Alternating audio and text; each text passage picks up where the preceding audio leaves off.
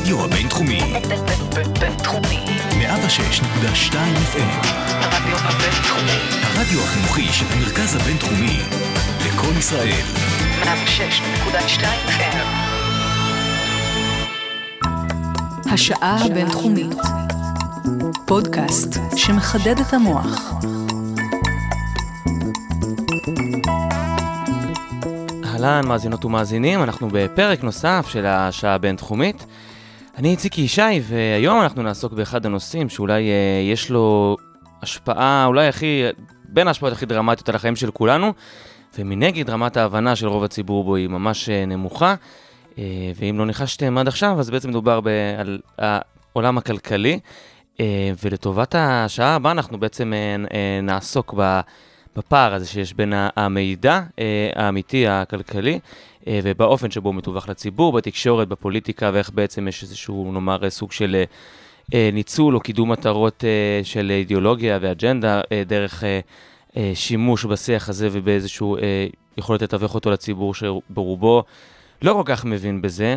בגלל שאני משתייך לרוב הציבור שלא כל כך מבין בזה, אז אני הזמנתי מישהו שיעזור לי לפצח את הנושא הזה בשעה הקרובה, ואני שמח להגיד שלום לפרופסור עומר מואב, אה, כאן מבית הספר אה, תיומקין אה, לכלכלה, מלמד באוניברסיטת ווריק באנגליה, אה, מהכלכלנים המצוטטים בעולם, היית היועץ הכלכלי של אה, שטייניץ, אה, וזכית בפרס של מפעל הפיס, ואם נמשיך, אנחנו ככה נסיים את הרבע השעה הראשונה, אז בסדר, מספיק, מספיק להתחלה. נסתפק בזה, כן, אוקיי. זה בסדר.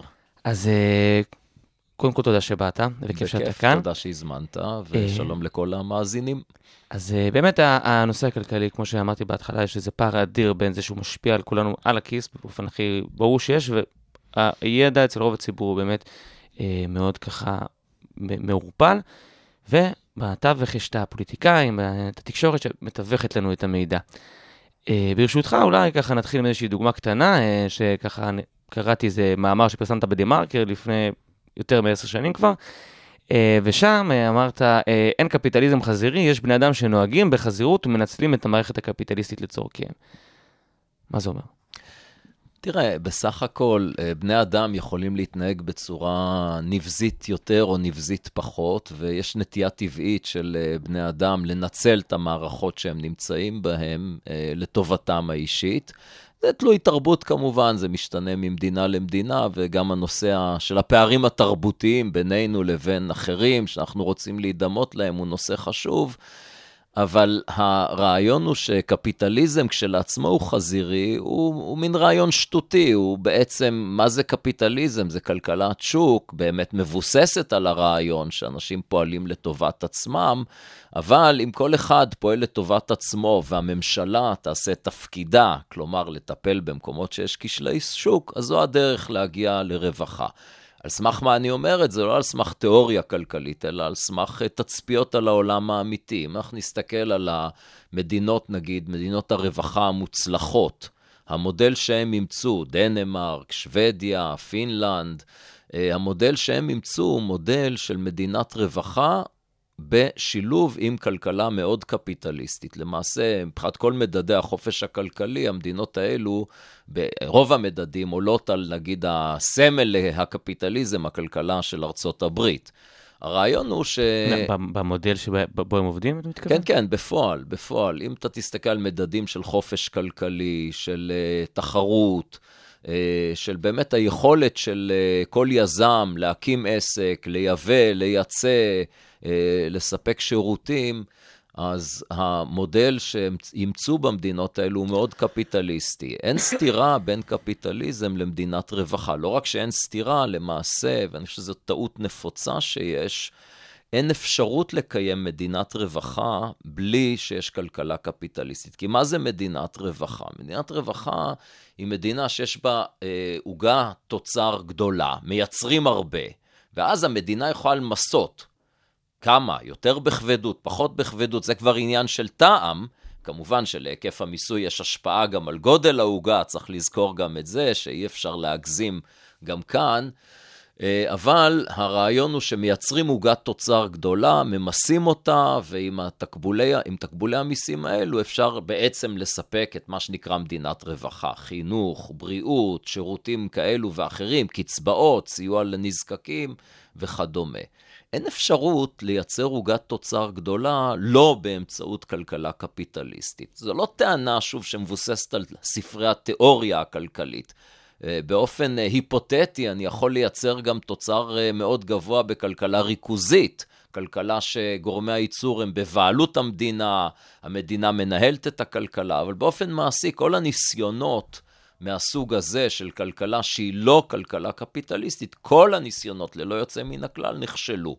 אז המסקנה היא נורא פשוטה. אז לבוא ולהגיד כל הזמן קפיטליזם חזירי במובן שכאילו הקפיטליזם הוא החזירי, וצריך לחפש אלטרנטיבה, זה באמת מאוד בעייתי. אז אני, אני ככה באמת מקשיב לדברים שאתה אומר, ואני מתרשם ששכנעת אותי לצורך העניין. ודי אם אני חוזר לדוגמה של ההתחלה, מה שאמרת עכשיו, הקפיטליזם החזירי, יש איזה רושם, אתה עכשיו תיארת פה עם דוגמה ממדינות אחרות בעולם, על שילוב של אה, אה, מדיניות קפיטליסטית עם מדינת רווחה, אבל איכשהו ב, ב, בשיח זה לא עובר, זאת אומרת, החזיר הקפיטליסטי הוא האויב, על אף שבסוף זה היה המנוע לצמיחה של העשורים האחרונים, או אולי אפילו יותר. אה, ומול זה, מול זה יש למדינת רווחה ואת הזה. אז איך, איך המשוואה הזאת כן, נוצרת אז, עם הנתונים כמו שאתה, אז, כמו שאתה מתאר? כן, שאלה מצוינת. תראה, אני, אני חושב שיש פה כמה גורמים שמתווכים לציבור אה, הטעיה שיטתית בהמון דברים. חלק מזה זה הפוליטיקאים, חלק מזה זה אנשי התקשורת, וגם, אגב, אנשי האקדמיה משחקים תפקיד אה, מאוד חשוב בזה. תראה, לא מזמן הזמינו אותי להשתתף באיזה כנס, לכבוד זה שהקימו באוניברסיטת תל אביב מכון אה, מחקר חדש, אה, לא זוכר איך הוא נקרא. התורם למכון הוא עורך דין שרגא בירן, שעשה את הונו בדרכים כאלו ואחרות. והוא, אה, למרות שבעצמו בוודאי קפיטליסט, במובן שהוא הצליח לעשות לעצמו הון אה, גדול, אה, בדרכים שחולקים על כשרותם אולי, אבל אני לא רוצה באמת להגיד שום דבר. לא, זה לא, לא מישהו שיצר משהו, זה לא איזה מובילאיי, זה הפשרת קרקע ו, ודברים מהסוג הזה. אבל כך או כך, מה שמעניין לגבי שרגא בירן זה שהוא מטיף נגד קפיטליזם. והנה כנס שלם, ומופיע שם uh, ראש המכון, פרופסור איתי סנד, ועומד על הבמה ו- ובעצם טוען שקפיטליזם זה דבר נורא ואיום, ושרגא בירן עצמו, הנה, בגלל הקפיטליזם, כל הסבל בעולם, ו- ואי שוויון מאוד גדול. ועולה לבמה פרופסור אבנר דה שליט, ושוב מסביר כמה קפיטליזם זה דבר נורא, והוא מייחל אה, לקץ הקפיטליזם. אה, ולמה? וזה, מה, מה האמירה של האסכולה הזאת? לקץ הקפיטליזם ו... אז זהו, א', א', זה נורא לא ברור, כי הם רק דיברו כמה הקפיטליזם זה נורא, ולא הציעו אלטרנטיבה. תראה, זה בעייתי לאנשים כאלו, שבעצם הם במובן מאוד עמוק מרקסיסטים. לבוא ולהגיד, אנחנו רוצים פה סוציאליזם או קומוניזם, זה לא, זה לא עובר, כי כולנו מזהים את הקומוניזם ואת הסוציאליזם עם כישלונות. אז אין להם בעצם את האומץ לעמוד על הבמה ולהגיד, אנחנו רוצים פה, אנחנו חושבים שאומנם כל הניסיונות הקומוניסטים, סוציאליסטים בעבר נכשלו, אבל יש אפשרות בכל זאת. הפעם זה יצליח. כמובן שזה קשקוש, זה לא יצליח גם הפעם, כמו שזה לא הצליח בעבר. ו... אם רוצים לעשות יותר טוב, ואפשר בהחלט לעשות uh, מדין, מדיניות שמשפרת את הרווחה של הציבור, כדאי לפעול במסגרת מודלים מוצלחים. תראה, אמר, זה מה שהדהים אותי, אני חושב שאמר אבנר דה שליט ביושר, פרופסור אבנר דה שליט מאוניברס... מהאוניברסיטה העברית, איש מדע המדינה, אמר ביושר, הוא אמר, תראו, אני מסתכל על המדינות הסוציאל-דמוקרטיות המצליחות, אה, מספקות רווחה לתושביהם, והכלכלה שלהם מבוססת על קפיטליזם, וזה מצער אותי מאוד. למה הדבר דומה? זה כמו שאדם דתי יסתכל על אנשים חילוניים ויגיד, תראו, אני רואה שהאנשים האלו מאושרים, אבל הם לא דתיים, ולכן זה מצער אותי. זה כבר נהיה סוג של דת אהבה לקבוצת כדורגל משהו כזה. זה דת, בדיוק. זה מין, נהיה כמו דת כזאת. עכשיו, תראה, כל העובדות אה, מראות לנו כמה הקפיטליזם באמת שיפר את העולם. אם באמת אנשים אובססיביים רק על אי שוויון, אז בואו נחזור באמת, נסתכל על העולם לפני 200 שנה. העולם לפני 200 שנה היה הרבה יותר שוויוני. הפערים בין מדינות, שהיום הם אדירים, הפערים היו הרבה יותר קטנים. בסך הכל כשמסתכלים על כל בני האדם בעולם לפני 200 שנה, התפלגות ההכנסות הייתה הרבה יותר שוויונית. אלא מה? מעל 90% מבני האדם בעולם, לפני 200 שנה, חיו בעוני מחפיר, עוני של סף קיום. עוני שבמדינת ישראל לא קיים בכלל, כנראה, אתה יודע, אולי פה ושם יש איזה דייר חוב ש, שכך זה הרמה שלו, אבל זה לא עוני שקיים פה. ועל פני 200 שנים, בזכות קפיטליזם, בזכות כלכלת שוק, הייתה צמיחה כלכלית מדהימה בעולם, הרווחה של כמעט כולנו עלתה מאוד. שיעור האנשים בעולם שנמצאים באותה רמת עוני של סף קיום, ירד אל מתחת לעשרה אחוזים. כלומר, היה פה... מכל אזרחי העולם? מכל אזרחי העולם. היה פה... אז כן, אי השוויון גדל, אבל כמעט לכולם החיים הרבה הרבה יותר טובים. אז רע לנו שהחיים שלנו הרבה יותר טובים בגלל שאי השוויון גדל, או בגלל שאנחנו לא אה, הולכים על פי תורתו של מרקס? תורתו של מרקס הובילה לדברים נוראיים. אני לא רוצה להגיד שמרקס עצמו ייחל לזה שבשמו יירצחו אה, אה, עשרות מיליונים וימותו מרעב עשרות מיליונים. כמובן, זו לא הייתה כוונתו של מרקס, אבל אלו הדברים שנעשו בהתאם, בניסיונות ליישם את האג'נדה שלו. וזה באמת או זה או זה? זאת אומרת, יכול להיות שיש כל כך הרבה אסכולות שמתנגדות, אה, שמזדעזעות מהאהבה שלך לקפיטליזם וזה, ומצד שני, אתה אומר, אין להם, באמת אין אופציה, שילוב של משהו אחר ש... אתה לא שומע משהו רציני בעולם הכלכלי היום שמציע דרך אחרת שהיא שלישית לצורך העניין? תראה, אז אנשים אומרים דרך שלישית, אבל למה הם מתכוונים? הם מתכוונים למודל הסוציאל-דמוקרטי, אבל הוא מודל אה, מאוד קפיטליסטי. שוב, זה גם לא היה שם מובן מאליו. היה פה לפני אה, חודש-חודשיים, הגיע לכאן פרופסור ג'ון הסלר, שהוא אחד מהפרופסורים החשובים לכלכלה בשוודיה. הוא בעיקר חשוב כי הוא חבר בוועדת פרס הנובל לכלכלה. אז, אבל הוא גם כלכלן מהשורה הראשונה, והוא דיבר על הכלכלה השוודית. הכל... מעניין, הכלכלה השוודית משנת 1870 עד 1970, במשך כמאה שנים, הייתה הכלכלה שצמחה הכי מהר בעולם, בזכות באמת חופש כלכלי יחסית וכלכלה קפיטליסטית.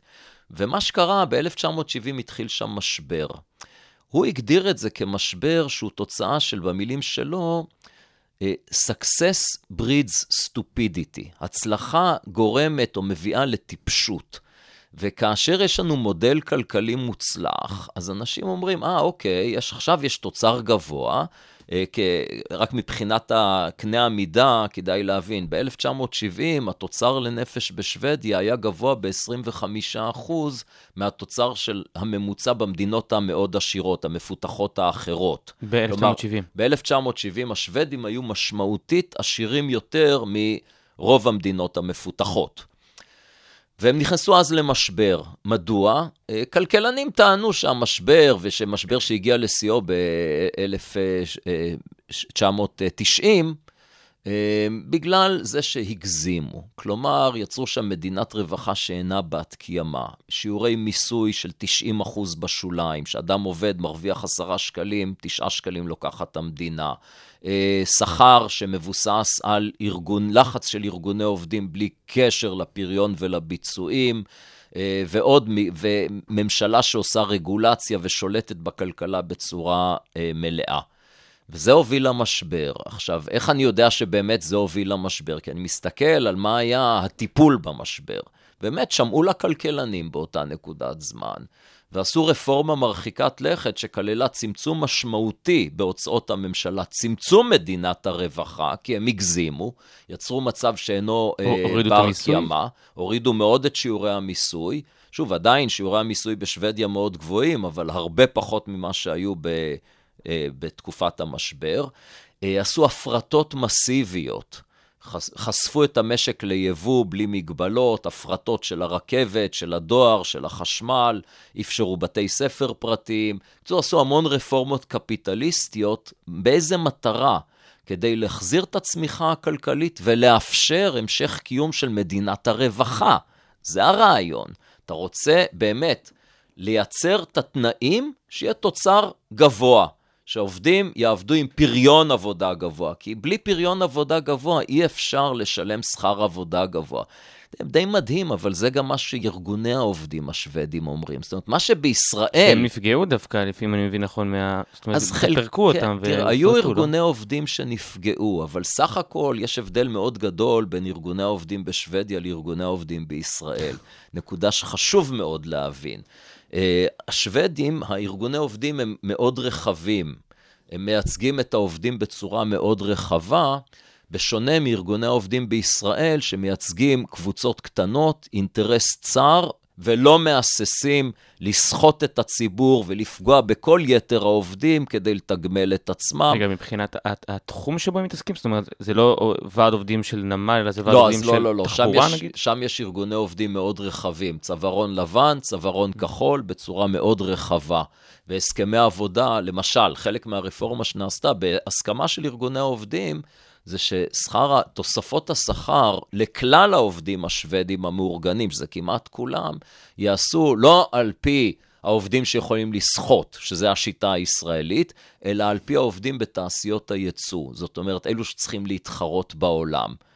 ומעלים את השכר לכולם בהתאם למה שאפשר להעלות, בלי לפגוע בתחרותיות השוודית יותר עוד מדי. פעם, אולי- אולי ת- ת- תסביר את זה קצת אה, קצת יותר. הרעיון הוא כזה, יש לך, אתה מסתכל על עובדים שונים.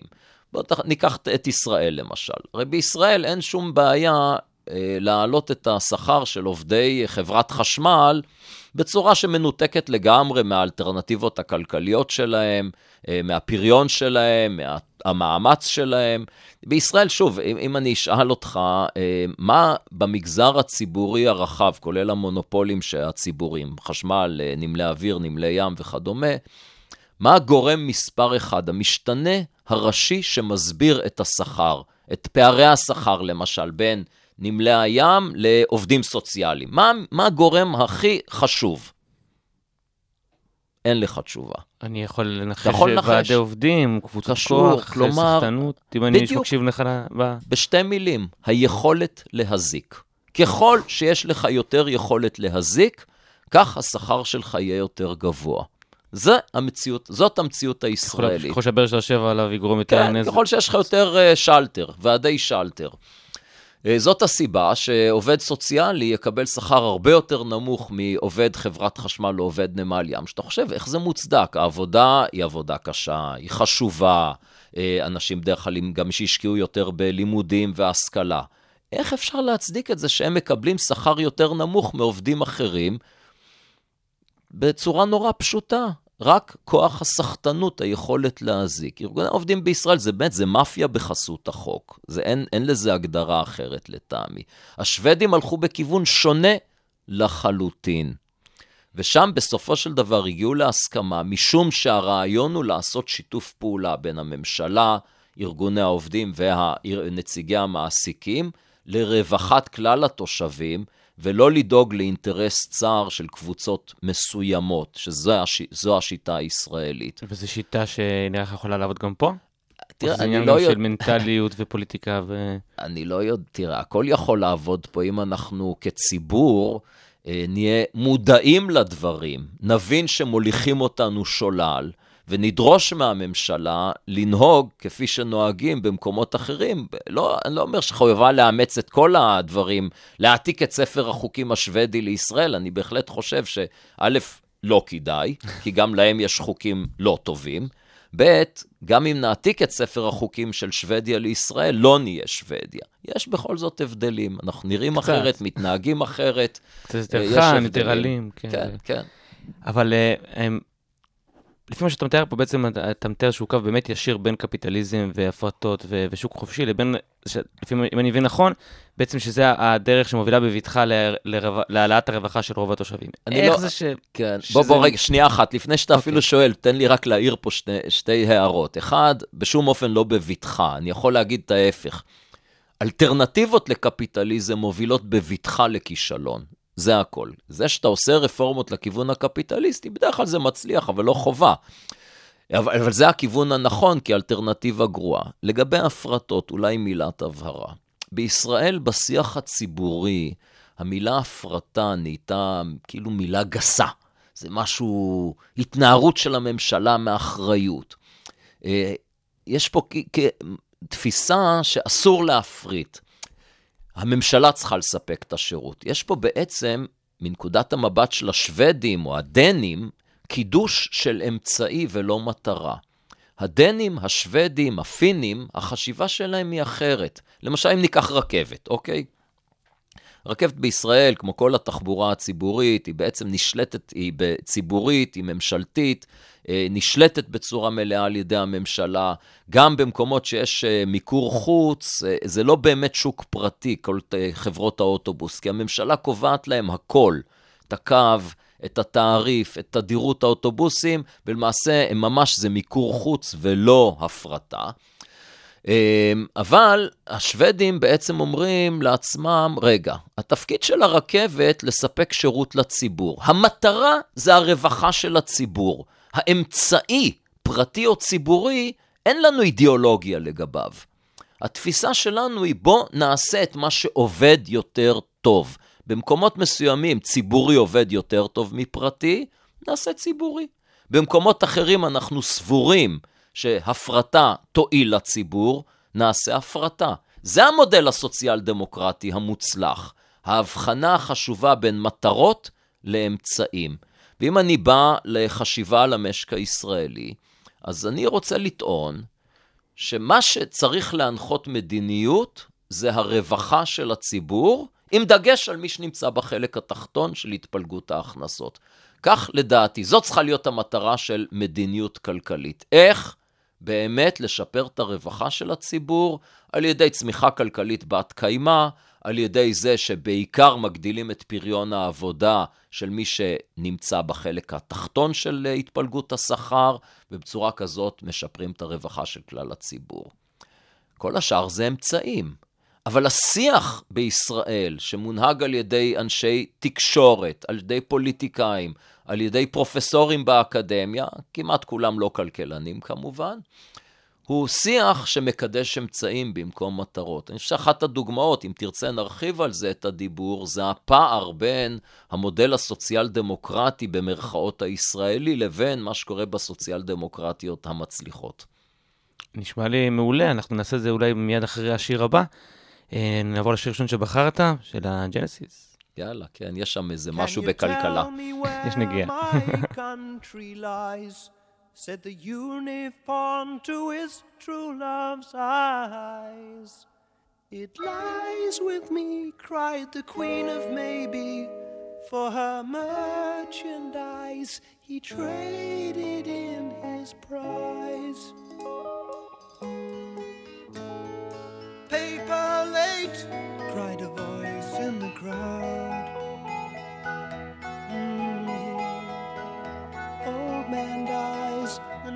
He left was signed Old Father Thames.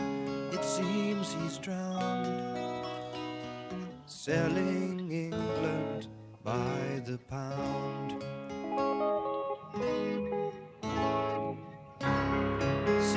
citizens of hope and glory. Time goes by, it's the time of your life.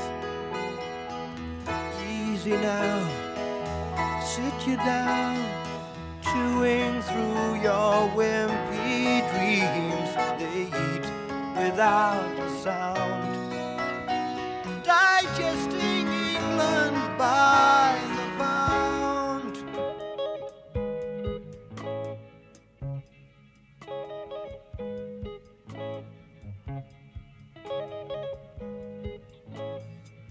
Young man says you are what you eat, eat well.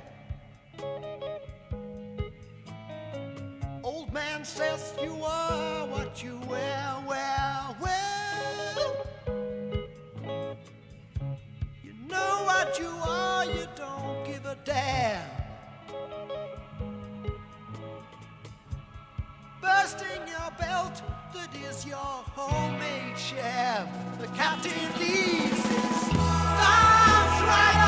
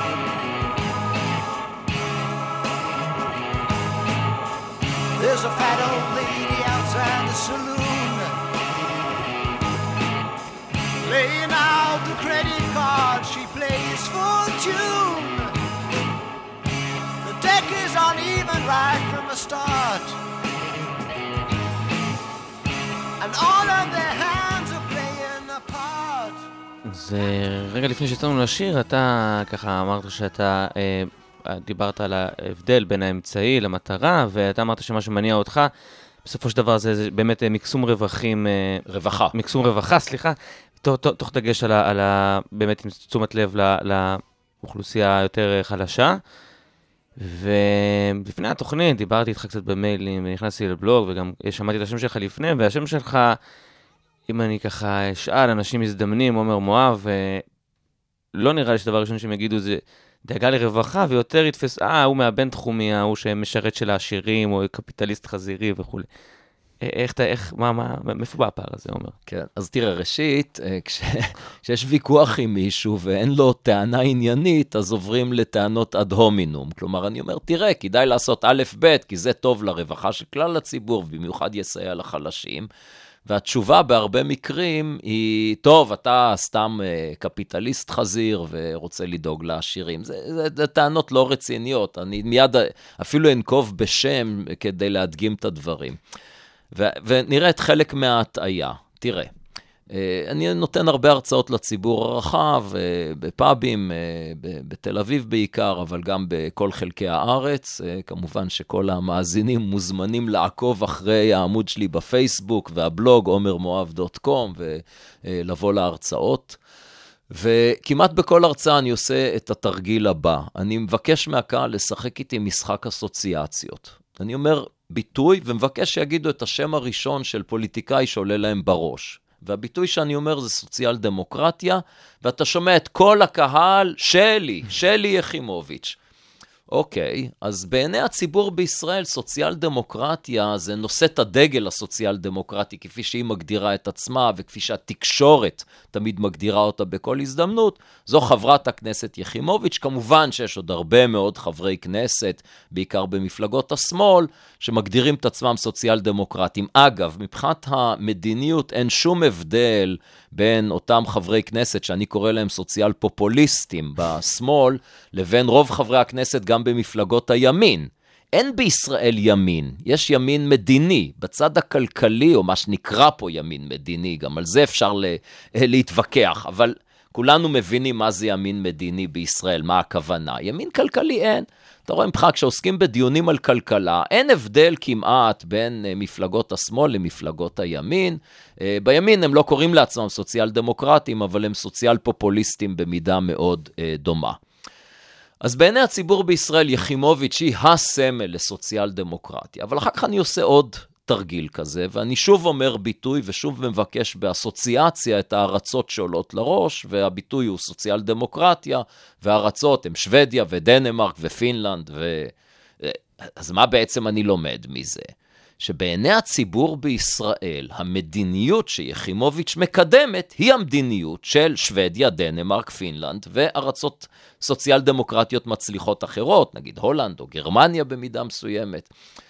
והאמת היא, כשבוחנים את העובדות, שזה פשוט לא נכון.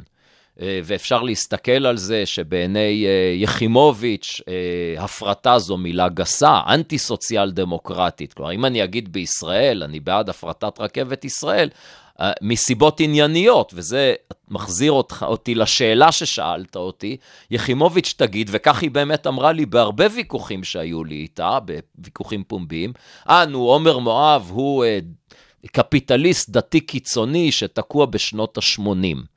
אבל הנה האמת, כלומר, א', אני למדתי כלכלה רק בשנות ה-90, אז אני לא יודע איך אני תקוע בשנות ה-80, אבל אתה מבין, זאת ביקורת שהיא ביקורת אד הומינום, כשאין מה להגיד על הנושא. אבל הנה האמת, בדנמרק, רוב, חלק גדול מקווי הרכבת, לא רוב, חלק גדול מקווי הרכבת כן הופרטו, בשוודיה נדמה לי רוב קווי הרכבת הופרטו. אה, כחלק מהטיפול במשבר שדיברנו עליו קודם, הייתה הפרטה מסיבית של קווי הרכבת, ודיברנו על המניעים לזה. אז לחשוב שהפרטה זה אנטי-סוציאל דמוקרטי, לא נכון. אה, שוב, במסגרת המודל, המודל הסוציאל דמוקרטי הישראלי, מאוד מקובל לחסום יבוא כדי להגן על תעשייה מקומית, על חקלאות מקומית. עכשיו תראה, מבחינה כלכלית זו טעות חמורה, החסימות האלו של יבוא פוגעות בחלשים בחברה. אבל בואו נתחיל עם העובדות. העובדה היא שהמודל הזה שיחימוביץ' מקדמת, של חסימה של יבוא, לא קיים בשוודיה, לא קיים בדנמרק, לא קיים בפינלנד.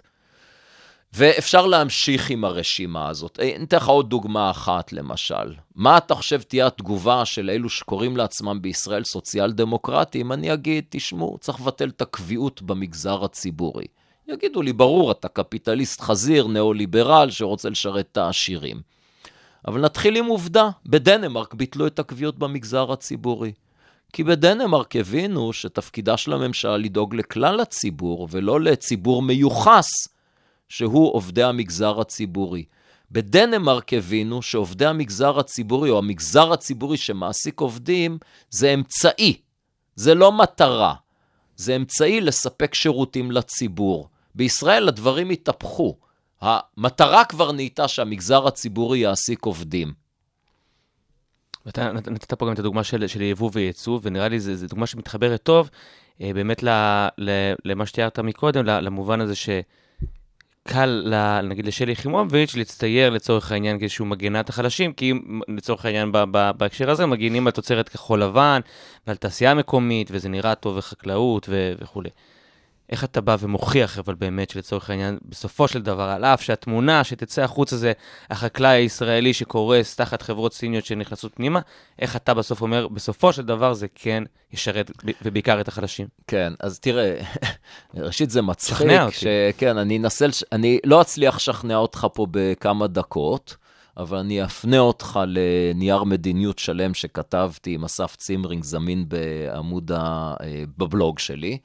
Uh, הרעיון המרכזי הוא מאוד פשוט, שקודם כל חשיפה ליבוא מורידה מאוד את יוקר המחיה ועוזרת בעיקר לחלשים. מדוע? כי מדינה מפותחת שפותחת, מסירה מגבלות יבוא, המחירים של מוצרי היסוד, מזון, מוצרים תעשייתיים, יורדים. המחירים של שירותים לא יורדים. עכשיו, אם אתה מסתכל על מה שקורה, מי שמוציא את רוב הכנסתו על מוצרי יסוד ומזון זה העניים. בעלי ההכנסה הגבוהה מוציאים את רוב הכנסתם על שירותים. כלומר, כצרכנים, המרוויחים הכי גדולים מחשיפה ליבוא זה דווקא החלשים בחברה. עכשיו יש את המיתוס שאם אתה פותח את המשק ליבוא, זה הורס משרות ויוצר אבטלה. וכאשר מסתכלים על הנתונים, מגלים שזה פשוט לא נכון. אנשים מסתכלים בתמונה חלקית. כן, כשהמשק הישראלי נחשף ליבוא של טקסטיל, מפעלי טקסטיל סגרו את שעריהם. אבל במקביל לגידול ביבוא יש גידול ביצוא, יש מנגנון שדואג לזה, אבל כעובדה שמסתכלים על הנתונים, אפשר לראות כמה זה מדהים איך היבוא והיצוא הישראלי זזים ביחד. למעשה, אין אפשרות להגדיל את היצוא הישראלי בלי להגדיל את היבוא. הדרך הכי, זה כמעט ווין ווין. חשיפה של המשק הישראלי ליבוא תומכת בתעשיות הייצוא, מאפשרת מעבר של עובדים מתעשיות שאין לנו יתרון יחסי בהן ולכן משלמות שכר נמוך, לתעשיות שיש בהן יתרון יחסי שכר יותר גבוה, ומאפשר לכולנו כצרכנים ליהנות ממחירים יותר זולים, ממגוון יותר רחב של מוצרים, מאיכות יותר גבוהה. זה כמעט ווין ווין. יש פה תמיד, קודם כל צריך להודות ביושר, תמיד יש מפסידים מכל מעבר כזה. אבל יש גם את מי שבאמת מפסיד, וזה קבוצות אינטרס צר. ובמובן הזה, זה מאוד מצחיק שיחימוביץ' והדומים לה מאשימים אותי כמשרתם של הקפיטליסטים העשירים. הם המשרתים האמיתיים של אותם קבוצות אינטרס, כי הם מסבירים לציבור שפה כדאי לחסום יבוא, כדי להגן על תעשייה מסוימת, הם מגנים על אותם בעלי הון ופוגעים בציבור הרחב. אולי ככה, בדרך אגב, נגעת פה באיזה, באיזה נקודה שאפשר, ייתכן והיא, איזה, אחד המפתחות להבין את, את הכשל הזה של יחסי הציבור של הקפיטליזם פה בארץ, וזו דוגמה של המפעל שנתת, שאולי באמת מה שאתה מתאר פה זה עניין של, אתה יושב פה, אמרת, אפילו אם אני אתן לך כמה דקות, אתה לא תצא, לא, לא אשתכנע, כי זה יותר מורכב וארוך ותהליכי, ואיך זה מחזיק בסוף מול תמונה של מפעל שנסגר ומאשימים את הזה. נכון, אז תראה, זה בעיה, כי תמיד קל לראות במין תמונה שעושה פוקוס וזום על טרגדיה אישית ולפספס את התמונה הרחבה. ואין אין מה לעשות, צריך להודות ביושר, יש טרגדיות אישיות, אבל כדאי מאוד לגשת לבעיות בלב חם ובמוח קר. כלומר, כן, לב חם, אכפתיות, אבל לעשות את ההחלטות על בסיס ניתוח קר, שקול, שבעצם רוצה להיטיב עם כלל הציבור, ולא לדפוק את כל הציבור בישראל כדי, בגלל שרגשית אנחנו מזדהים עם uh, כמה עובדים שהמפעל שלהם נסגר. אנחנו רואים את זה כל הזמן, נגיד האבסורד שהיה פה, שההסתדרות ורצו להשבית את המשק בגלל שטבע הולכת לפטר 1,700 עובדים. בישראל כל שנה מפוטרים סדר גודל של 70-80 אלף עובדים. מה 1,700 זה כלום יחסית. עכשיו, זה נכון, הטרגדיה של כל אדם שפוטר היא טרגדיה, אבל האם סביר לעבור, לשאוף למצב שאת המפעלים במגזר הפרטי לא מפטרים עובדים? מה המשמעות של זה? המשמעות תהיה טרגית, שלא יקומו פה מפעלים, שלא יהיו פה מפעלים ולא יעסיקו עובדים בכלל. כלומר, הרבה פעמים חקיקה שהיא, שאתה בוחן אותה בזווית מאוד מאוד צרה, היא נראית לך טובה. ולכן באמת המחוקקים שלנו עוסקים בהמון חקיקה פופוליסטית. לדוגמה, התחושה היא שכל חוק שמעביר עוד שקל מהמעסיק לעובד שלו בצורה של הגנה כזאת והגנה אחרת, זה מצוין, כי המעסיק הוא החזק, העובד הוא החלש. אבל בסוף אתה שואל את עצמך, או אני לפחות שואל את עצמי, מאיפה אבל יש לנו משרות? מי שבחר להיות עובד שכיר ולא להיות יזם, משקיע, שמסתכן ומעסיק עובדים. בזכות מעסיקים. מאיפה יש צמיחה כלכלית? כלומר, אם אנחנו נבין לרגע שאנשים שיוזמים, שמשקיעים, שלוקחים סיכון, זה הבסיס לכלכלה. בלי זה אין כלום. לא יהיו משרות, לא תהיה לנו עבודה, לא תהיה לנו פרנסה. ותראה איך במקום להגיד, אנחנו משבחים את האנשים האלו, נקודת המבט של הסוציאל פופוליסטים, שאלו הרשעים שמנצלים את העובדים.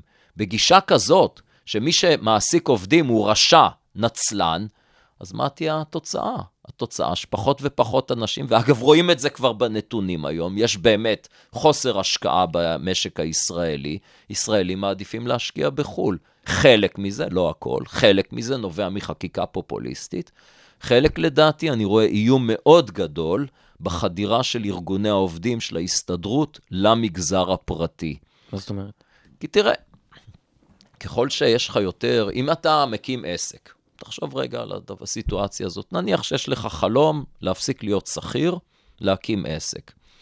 אתה תיקח סיכון מאוד גדול, תיקח הלוואות, תהיה ערב אישית להם, אה, ותלך עם החלום שלך.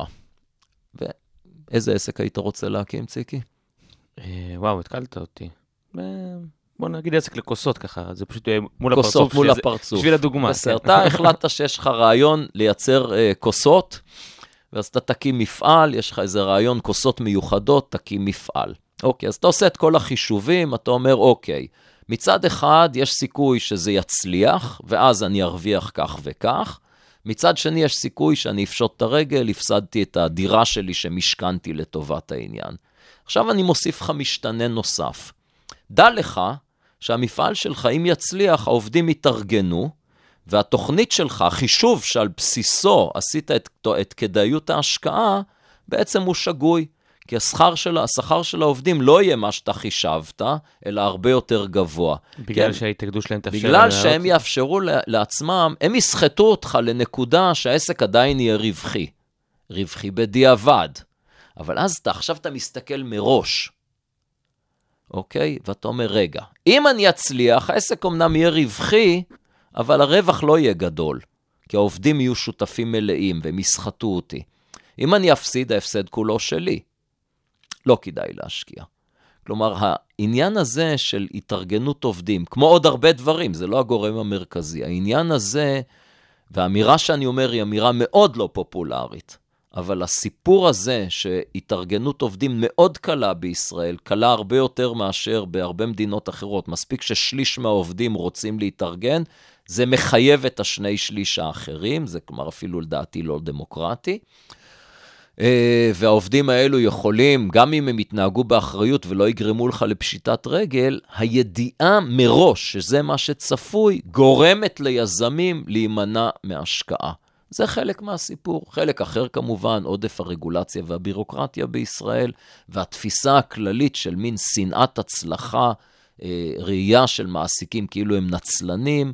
כל הדבר הזה מוביל למצב שבסוף כעובדים מצבנו יותר גרוע, כי ככל שיש פחות יזמים, משקיעים, שרוצים להעסיק עובדים, התחרות על העובדים יותר נמוכה, ושכר העבודה יותר נמוך. אנחנו נמשיך בדיוק בנקודה הזאת מיד אחרי השיר הבא, שקשור אליך גם באופן אישי. זה שיר, ב... הוא לקוח מהגרסה הבינלאומית של כפולים בביצוע של רונה שגב. עד כאן זה עוד לא קשור אליך באופן אישי, אבל מי שייצר את השיר הזה, כתבת והלחין, זה הבן שלי, אז אני פשוט מנצל את ההזדמנות קצת שמו, אבל לקדם בוא- בוא אותו, את הקרדיט. רותם מואב. אה, רותם מואב אה, מתפרנס מזה שהוא מלחין, הוא מלחין מוזיקה לסרטים, הוא בעיקר כרגע מלחין מוזיקה למשחקי מחשב, עובד עם אחת מהחברות הגדולות בעולם אה, בתחום הזה, וייצר את הגרסה הזאת לכפולים.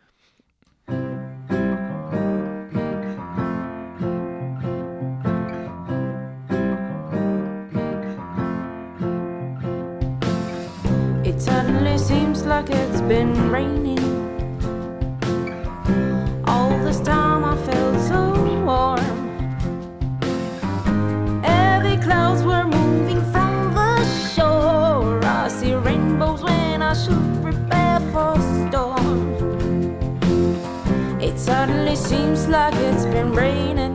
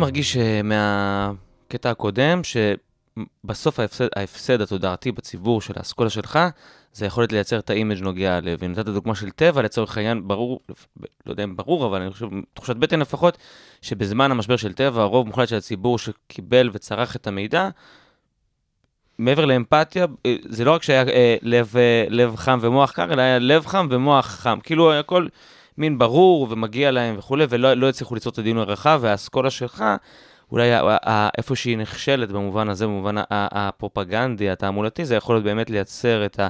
אולי את ה image המקביל לזה נוגע ללב. כי אתה אומר, לא, אצלנו זה לא ככה, זה... זה תסתכל על זה בפריזמה רחבה יותר, והציבור לא בפריזמה רחבה יותר. כן, אני, הרבה פעמים שואלים אותי, טוב, אז מה עושים?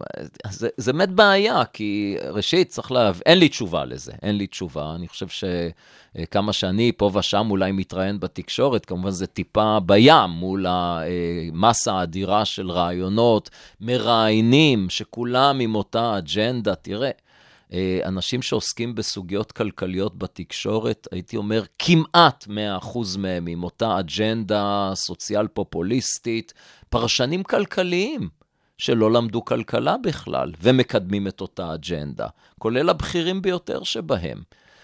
אז אני באמת מוצא את עצמי פה במיעוט, בטיפה בים, בניסיון לחנך, לחנך את הציבור, ואני רוצה להדגיש, אני לא אה, קפיטליסט קיצוני, אני באמת מיינסטרים כלכלה. רוב הדברים שאני מטיף להם, הם מוסכמים ב-100% על כלכלנים. מדוע? מה ההבדל בין כלכלנים ליתר הציבור? אנשים שלמדו את הנושא, שמכירים את העובדות, ולכן מגיעים למסקנות שונות מהמסקנות הפופולריות.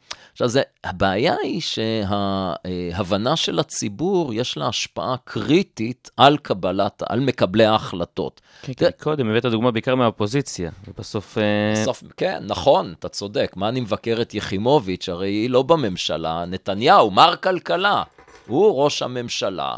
אה, נתניהו, אין שום ספק, שומעים אותו מדבר, הוא מבין כלכלה, איש, באמת, יש לו כריזמה, יש לו הבנה כלכלית מצוינת, האג'נדה שלו, אני מסכים איתה לחלוטין, התיאורטית, כן? אבל כשזה מגיע למבחן המעשה, אז הוא לא עושה שום דבר, הוא גם לא רוצה להתעמת עם אף אחד, וחייבים להודות ביושר, גם זה לא פשוט. זה שאפילו אם מבינים היטב, נניח, ניקח כדוגמה את כוחם ההרסני של ארגוני העובדים במונופולים הציבוריים, חשמל, נמלים וכדומה, אה, ההבנה היא לא מספיקה, איך אתה מקטין את הכוח שלהם? יש להם כבר, הם בעצם אוחזים את המדינה במקום רגיש מאוד.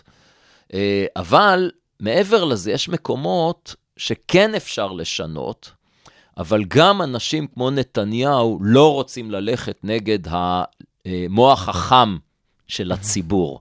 אה, אני יכול לתת דוגמה, בזמנו, כשעוד הייתי יועצו של שטייניץ, אז uh, התחלנו לקדם תהליך בהנחייתו של נתניהו, של ביטול מע"מ אפס על פירות וירקות. מבחינה כלכלית זה נכון לחלוטין. שוב, הציבור, שאומרים לו, מעכשיו תשלם מע"מ על פירות וירקות, זה נראה כמו גזרה. אבל זה לא גזרה, כי ברגע שגובים יותר מע"מ על פירות וירקות, אפשר להוריד את המע"מ על דברים אחרים, או להוריד מיסים במקומות אחרים, ואכן, לא רק כחלון, שרי אוצר וראשי ממשלה באופן כללי, רוצים להוריד מיסים איפה שאפשר. זאת אומרת, הטענה הפופוליסטית, אתם רק מעלים מיסים, היא חסרת שחר במציאות. אה, נתניהו הבין היטב, הוא הנחה את שר האוצר לקדם את זה, כמה שהמע"מ אפס על פירות וירקות הוא מזיק. הוא מזיק מהרבה בחינות, הוא ראשית יוצר עיוות בסל האופטימלי של הצרכן, הוא מסבסד אנשים עשירים, לא רק אנשים עניים, אה, זו דרך לא נכונה לסייע לציבור, הוא פתח לרמאויות, כי קל למכור דברים כאילו היו מלפפון או עגבניה, גם אם הם לא. אה, ובנוסף לזה, זה יוצר כל הזמן לחץ, לחץ מתמיד על עוד דברים. למה פירות וירקות עם מע"מ אפס? למה לא דירות, כמו שלפיד ניסה לקדם? או אה, מה ש... אה, ש"ס ניסו לקדם, של מע"מ אפס על תחבורה ומים, נדמה לי, ובסופו של דבר סתם הורידו מחירים ולא עשו על זה מע"מ אפס. בקיצור, לחזור לעניין, נתניהו מבין מצוין שזו הייתה הזדמנות היסטורית, כי היינו מיד אחרי משבר כלכלי, לתקן אה, בעיה אמיתית שנוצרה ב-1976, שאימצו את המע"מ לראשונה בישראל. אבל הציבור לא אהב את זה. ו-24 שעות לפני ההחלטה, נתניהו הודיע לציבור שהוא יורד מזה. הוא אמר, אני קורא את רחשי לב הציבור. אה, באמת, אפס מנהיגות. הייתה לו דרך לשקף לציבור מה הוא מרוויח תמורת ה... הוא, לא, הוא בחר מע"מ? לא לעשות את זה. הי- הייתה דרך, עכשיו אני אני- אומר לך, בוא, אני- אני עכשיו נתניה, אני אומר לך, תקשיב, זה- זה המצב, אנחנו בבעיה. אני, בניגוד אליך, חייב להתחשב ברכשי הציבור, בסוף הם כן. בוחרים בי בקלפי. בוא תעזור לי לייצר את התמונה שתוכיח להם שזה לא פוגע ב... יש יכולת כזאת? אני חושב שזה קשה. אני חושב שאפשר.